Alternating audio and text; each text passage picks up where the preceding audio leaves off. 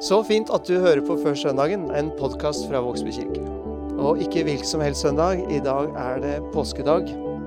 Og her sitter Sigurd Tveit. God påske, Sigurd. God påske. Og Are Kjørve. God påske. Og Nils Herre Andersen. God påske til deg òg. Mm. Og til dere som sitter og hører på.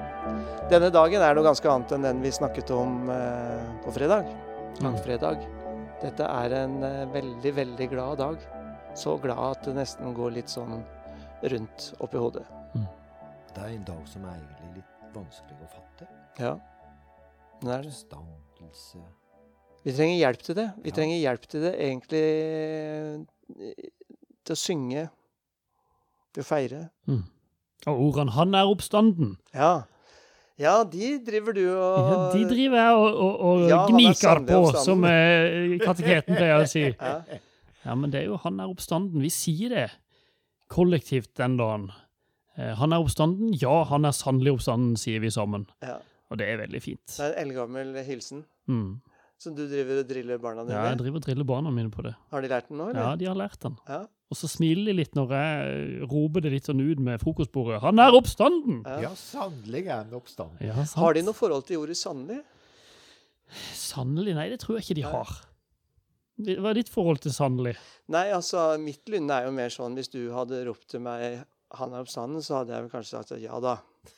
Han er oppstanden, eller et eller annet. Jeg har jo en morsom eh, opplevelse fra det fra Lørenskog, hvor søstera mi var på midnattsmesse i gamle Lørenskog kirke og gikk ut på plassen. Da synger vi liksom 'Deg være ære' på blant alle gravene. Og hun var så høy, vet du. Mm. Så hun sendte en melding til hele kontaktlista si om 'Jesus har stått opp igjen'. Eh, god påske. Og så fikk hun svar da fra ei venninne som skulle jobbe tidligvakt dagen etter. Sånn, Be han gå og legge seg igjen. jeg skal jobbe i morgen. Men, det, men det, det er ganske illustrerende. ikke sant? For at du, Det er et sånt budskap du nesten må feire for at det skal sette seg i kroppen. Mm. Ja, og som du sa eh, tidligere i dag, da, Arild, at eh, salmen de hjelper oss til å finne ord på, på den gleden. Ja, de gjør det. Mm. Og, og, og, og jeg har hørt mye på en uh, sang av Odd Nordstoga i det siste, som heter eh, 'Fatig færamann'. Mm. Og han sier det dere veldig fint. Kan du sangen, Arild? Jeg har hørt mange ganger på den. Jeg syns Ja. den er veldig fin. For vet du, det han Så har jeg lest den på litt sånn telemarksdialekt. Ja, kan du tru at en stein glei ifrå, og opp fra ei grav fikk han levende gå? Ja, evig fine er salmenes sang, men kan du tru det, at det hendte en gang? Vel, jeg trur på dagen som kjem etter natt, jeg trur på gråten som kjem etter lott, og jeg ser vel at vinteren blir vekt til vår. Hm. Det er egentlig litt fint at påska er liksom på vårsida. Mm. Det der bildet om at naturen vekk til live, og knuppene spredt, og krokusen kjem, og påskeliljen kjem, og det er et under. Sånn som på kirkebakken vår. Så at eh, hvis noen hører dette her og får et sånn akutt behov for å gjøre et eller annet, Mm. så går det an å gå til kirka, plukke med seg noen av blomstene og legge det ved korset som står utenfor. Som din lille sang, da. Mm. Det går an å gjøre. Mm. I dag skal vi høre intervjuet som vi hadde med Perle Salvesen i fjor, eh, om påskedag. Og eh, som vi snakka om sist, er jo Paul er det godt å høre to ganger, for eh, han har noen dybder som er veldig fine å, å dykke ned i. Og så har vi et krydder i dag, og det er at eh, i fjor så fikk vi Åste Louise Halvorsen til å ta med seg Oskar Jansen, den gudbenåda pianisten, og spille Happy Day. For det er en sånn sang som eh, i og for seg forbinder med påskedag, men eh, hvis jeg trenger litt ekstra guts når jeg går til jobb om morgenen, så hører jeg enten på Ja, i og for seg den derre Billie Eilish, eh, Bad Boy, men, eller på Happy Day med, med Hella Jackson. Og nå får vi høre den etter intervjuet med Paul, ja. Paul. Mm. Skal vi bare høre på det, eller har dere noe dere en påskehilsen Har du fått påskeegg i dag, eh, Sigurd? Eller i går? Nei, jeg eh, fant det litt i skåpet litt tidligere, så Ja. Du er sånn som meg, man finner det i skapet hele året, egentlig. Ja. For å si det sånn, vi har rikelig med påskeegg i familien Kjørve, er så det går bra. Med Ja. eller sånn at de må leite? Ja, det er godt. det. Ja. Gjerne et kart. og Mm. Så er det litt sånn innsp- innspill av påskehare og sånne ting, men nå begynner jo den å skli litt forbi, for de begynner å bli eldre. Men eh, prøver å gjøre det så spennende som Ja, mulig. for det skattekartet, det, er, det liker ungene. Det liker ungene. Ja. Det gjør de. Siden du syns jeg snakka litt mye forrige sending, eh, Arild, så kan du nå, før Paul slipper til, få si litt om bakgrunnen for påskeharen. ja, det, jeg tror det er bedre å høre på Paul enn å høre på meg snakke om påskeharen. Da hører vi på intervjuet med Paul E. Salvesen. Han er jo både teolog, kriminolog, og han har skrevet flere romaner. Forfatter. Han er sikkert mer også, men en veldig bra fyr som bor Jeg er så heldig bor i Kristiansand, så han er en eh, utømmelig ressurs, nesten. Mm. La oss høre på intervjuet fra i fjor. Velkommen igjen, Per Paul E. Salvesen. Da er det påskedag som står for døren. Det er en lysere dag enn den vi snakka om Og den er deilig. Det er den beste i hele kirkeordet. Det er det. Men hva er det egentlig som eh, Hva er, hva er det som skjer påskedag? Altså, igjen er det jo sånn at vi i eh, bibelvitenskap, eh, teologi, så må vi starte, starte historien. Starte med fortellingen, og så prøve å finne ut hvor langt kan vi gå på vanlige verdslige premisser når det gjelder å beskrive denne dagen. Eh, og da får vi vite en del om begravelsesskikkene, ikke sant? At eh, eh, den døde pga. varme og alt mulig måtte gravlegges så fort som bare mulig etter dødsfallet. Og at det da var skikk at eh, kvinnene i familien eh, aller senest tredje dag gikk for å, å, å stelle den døde. Før graven ble forseglet for fullt. Det var, det var skikken. Så de var egentlig litt seint ute. De var, de var litt seint ute, ja. Andre, tredje dag skulle dette skje. Og det er en fantastisk kvinnehistorie. Du kan liksom se dem for deg i alle evangeliene, hvordan disse, disse venninnene tynget av sorg går ut for å, for å gjøre noe, gjøre noe praktisk.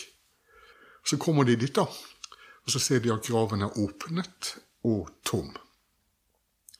Så langt er alle enige, sånn av, av historieforskere. ikke sant? Den tomme grav står der som det historiske faktum, like mye et faktum som selve korsfestelsen. Det er ikke noen seriøse historikere som virkelig bestrider disse to begivenhetene som historiske begivenheter. Men så kommer da tolkningen. Hvorfor var graven tom? Og da dukker det opp en teori eh, umiddelbart. Like må jo være stjålet. Og hvem har stjålet det? Er det disiplene? Slik at man skal konstruere en eller annen overlevelseshistorie? Eller er det motstanderne av Jesus som skal håne ham nok en gang? ikke sant? Det der ligger og dirrer litt i teksten, er de to alternativene. Så må vi jo da si at eh, det er det vi veit. Resten er eh, troens tolkning av det som skjedde. Det ville jo vært en, en tabbe av motstanderne å ta like eh, sånn som historien ble i ettertid. Helt, helt åpenbart. Ja. Men gravskjending ikke sant? Det, det var den simpleste forbrytelse som fantes også den gangen. Så det, det kan ha vært en mulighet. Men så er det da disse kvinnene, til og med uten juridisk vitnestatus, som eh, da blir de som bevitner oppstandelsen. Som får møte den oppstandende, og som så drar tilbake og forteller dette her til, til, til mennene, de som var juridiske personer. Det er jo en fantastisk eh, greie i kirkehistorien. Altså, skulle de ikke gjort dette her mye mer troverdig med å sende alle de mannlige disiplene ut, slik at det var vitnefast, det som skjedde? Så er det likevel også det, det er kvinnene som forteller det. ja, tror du eh, Dette er jo skrevet eh, i ettertid, ikke sant? På bakgrunn av fortellinger, men grunnen til at de skriver det, er det en spirende kvinnebevissthet som gjør at de tar det med for eh, det, eller er det fordi de Tror du at de ville eh, gjenta historien såpass eh, sånn som de har hørt den? Eh, for det er, det er jo ikke en god opplysning eh, nødvendigvis i sin samtid. Altså Vitnet er ikke troverdig. nei, uttrykket 'kvinnfolksnakk' kommer jo som reaksjon fra disiplene i en av tekstene. Eh, Nei, altså, dette, dette er det jo eh, feministteologiske kollegaer av deg og meg som har, har jobbet mye med. ikke sant? Eh, F.eks. Turi Karlsen Seim, som var professor i Nytestamentet eh, i Oslo. Eh, hun, hun mener det er mange belegg for at kvinnene hadde en veldig sterk rolle i eh, kretsen rundt, rundt Jesus. At det ikke bare Maria Jesu mor, men at det var flere markante kvinnelige disipler. Og at de mer er retusjert bort senere i kirkehistorien. Men at dette er noe av vitnesbyrdet om at det faktisk var slik, eh, men- men- mener hun da. Eh, ellers, det som ligger der både ved graven og ikke minst vandringen til Emmaus, eh, det er jo at det er ikke opplagt, det som skjer. Altså, Jesus må jo nærmest den oppstandende Jesus Kristus må jo eh, overbevise de som møter han om at han faktisk er den han er. Det, det, må, det må forkynnes. ikke sant? Han forkynner sin oppstandelse. Det er ikke sånn at man bare liksom eh, ser det og sier 'Å ja, er det sånn det henger sammen?' Så det er på en måte et element av at oppstandelsestroen i seg selv er et under som Jesus gjør med oss. Det syns jeg er en ganske god tanke. Det er ingen som har, ingen som har sett det. Han må fortsatt fortelle det. Ikke sant? At han har stått opp. Ja. Ja. Tror du det er en historisk begivenhet? Det var det jeg hadde tenkt å spørre deg om. Kommer jeg først? Kommer jeg først. Um, ja, jeg tror Men jeg tror ikke at den troen er på bakgrunn av en sånn eh, rasjonell tanke først og fremst, men av et budskap jeg har hørt og blitt prega av og, og begynt å tro på. Ehm, det er nok jeg, Når jeg står ved gravkanten og begraver folk, så er det viktig for meg å tro at det har skjedd. At eh, døden er beseiret. Men i det daglige så er eh, Og det er ikke noen motsetning, men det er nok dette budskapet som, eh, som jeg har forelska meg i. Og senere har blitt en dyp overbevisning at det var sånn det var. Mm. Den veien. Ja, altså, d- d- dette kjenner jeg meg veldig igjen i. Altså, jeg er på mange måter eh, en rasjonalist. Altså, jeg går til og med i bu utenfor helsekostbutikker og eh, har ingen sans for alternativ medisin. Og er ganske rasjonell i mitt liv. Eh, med et par veldig viktige unntak, og oppstandelsen er et av dem. Eller egentlig hele min, min, min, min, min gudstro er det. Eh, Rudolf Bultmann, vår radikale lærer i teologi fra Tyskland, sa en gang at det å være en kristen er ikke å ofre sin forstand på hvert gatehjørne. Det er ikke å lage det han da selvfølgelig fint kalte sacrificium intellecti. Det er ikke sånn det er. Men på et bestemt punkt så er det sånn at troen må overtrumfe fornuften. Og for meg er, er oppstandelsestroen slik. Ja, jeg tror Gud grep inn og demonstrerte sin seier over døden ved å vekke Jesus Kristus opp fra de døde. Men når jeg har sagt det, så vil jeg overhodet ikke si til min bror eller søster i kirkebenken som ikke klarer å tro akkurat det, at du kan ikke være en kristen. Og Der går jeg litt i rette med Paulus. Ja, for han sier jo det at eh, troen er tom hvis ikke Kristus er stått opp fra det døde. Ja, jeg, jeg har lyst til å ta opp det med han hvis jeg får lov å møte han.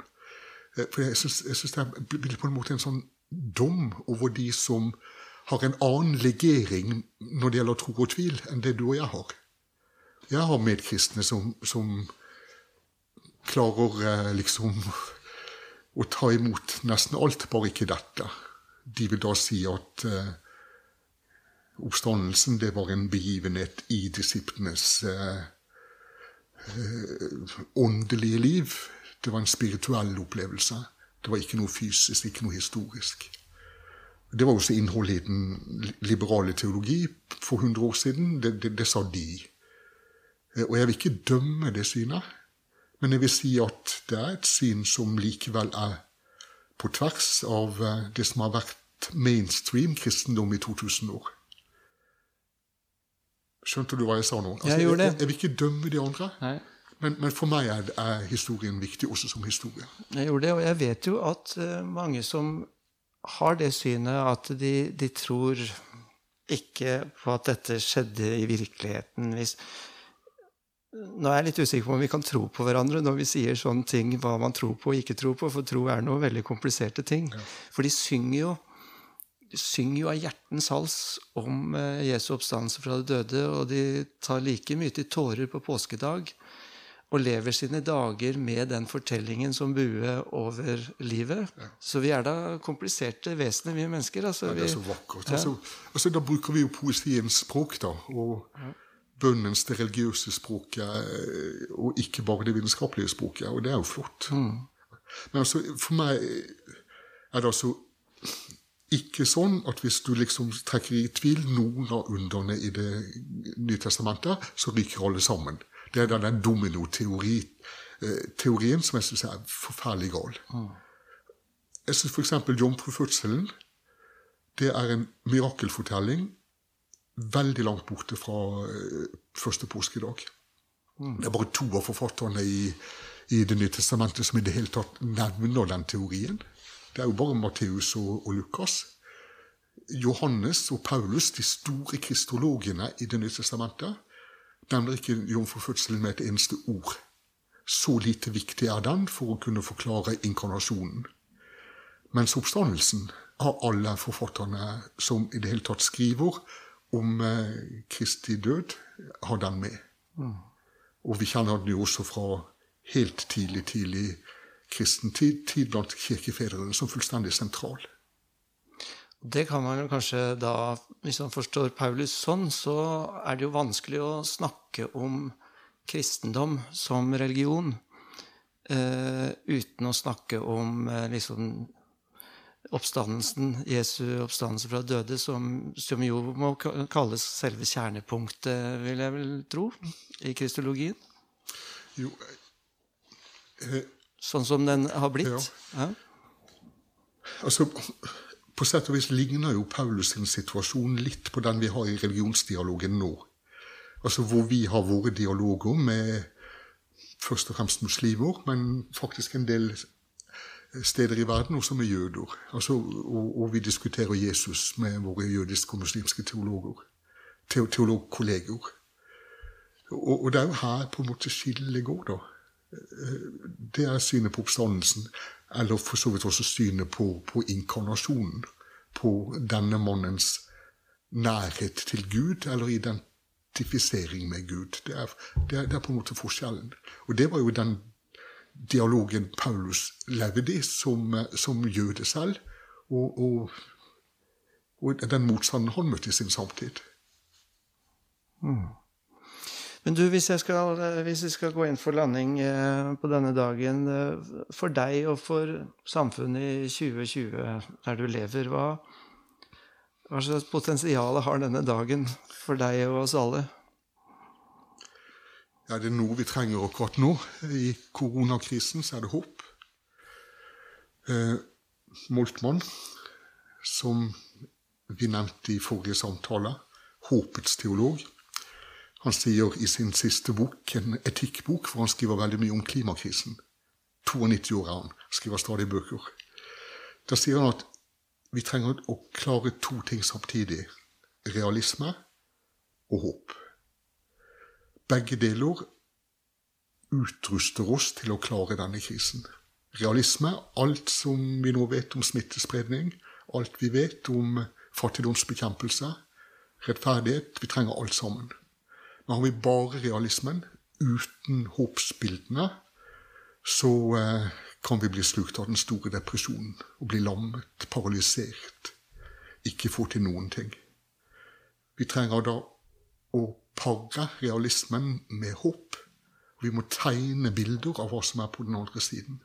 Tegne bilder av en verden der vi har lært noe i denne krisen, og kan gå videre og gjøre noe med neste krise, nemlig klimakrisen. Tegne bilder av barn som plukker plastikk på, på stranden.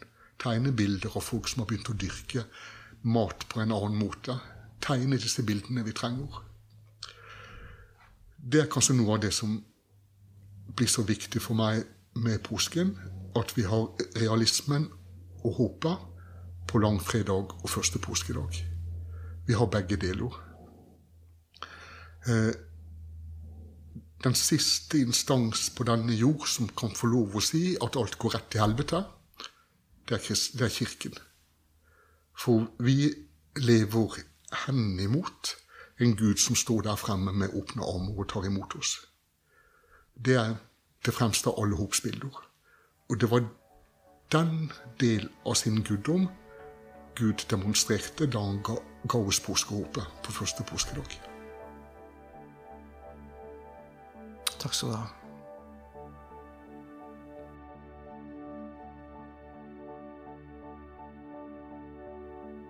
Det var Paul Ehr Salvesen om påskedag.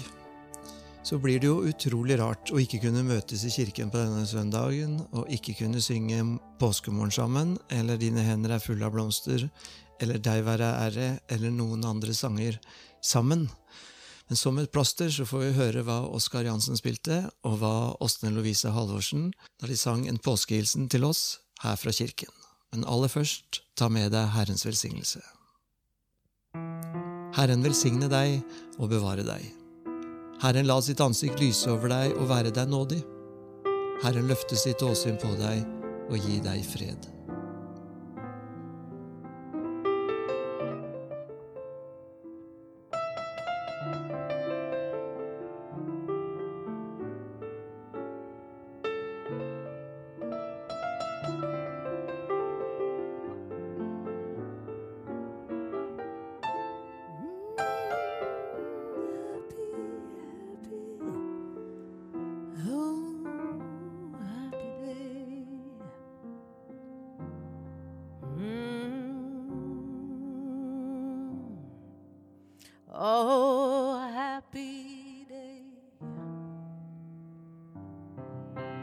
Mm-hmm.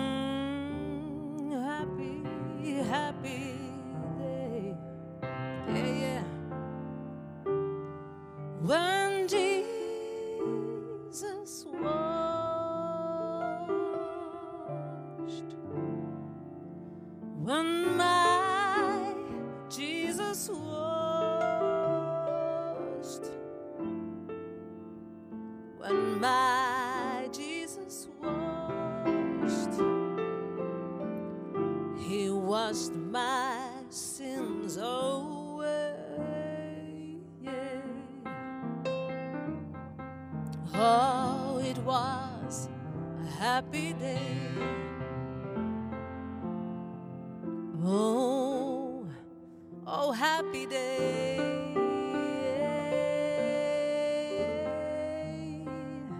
Oh, happy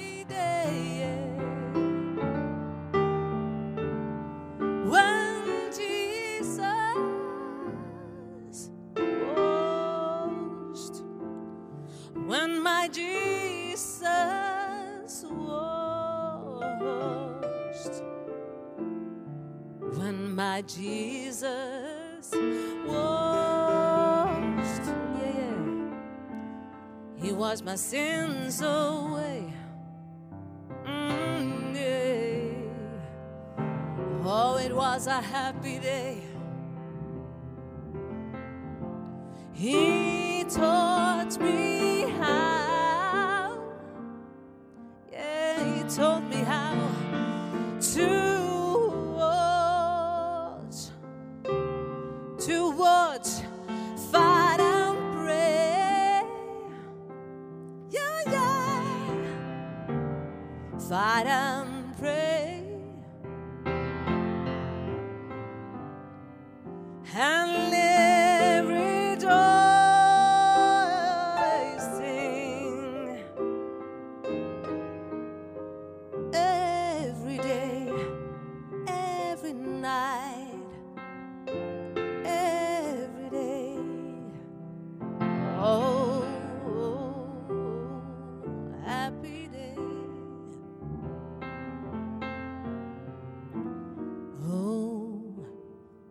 happy day.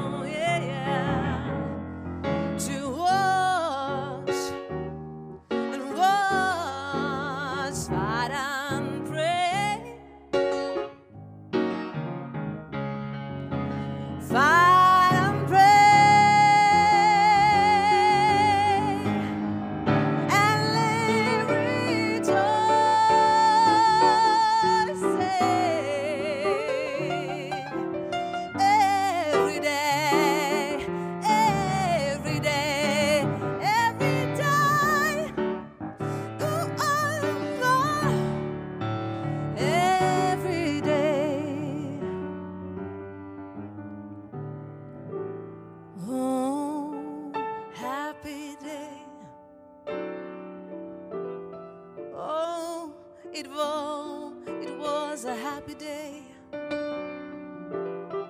It was a happy day yeah. when he was my sins away. Oh, it was a happy day when he washed my sins away.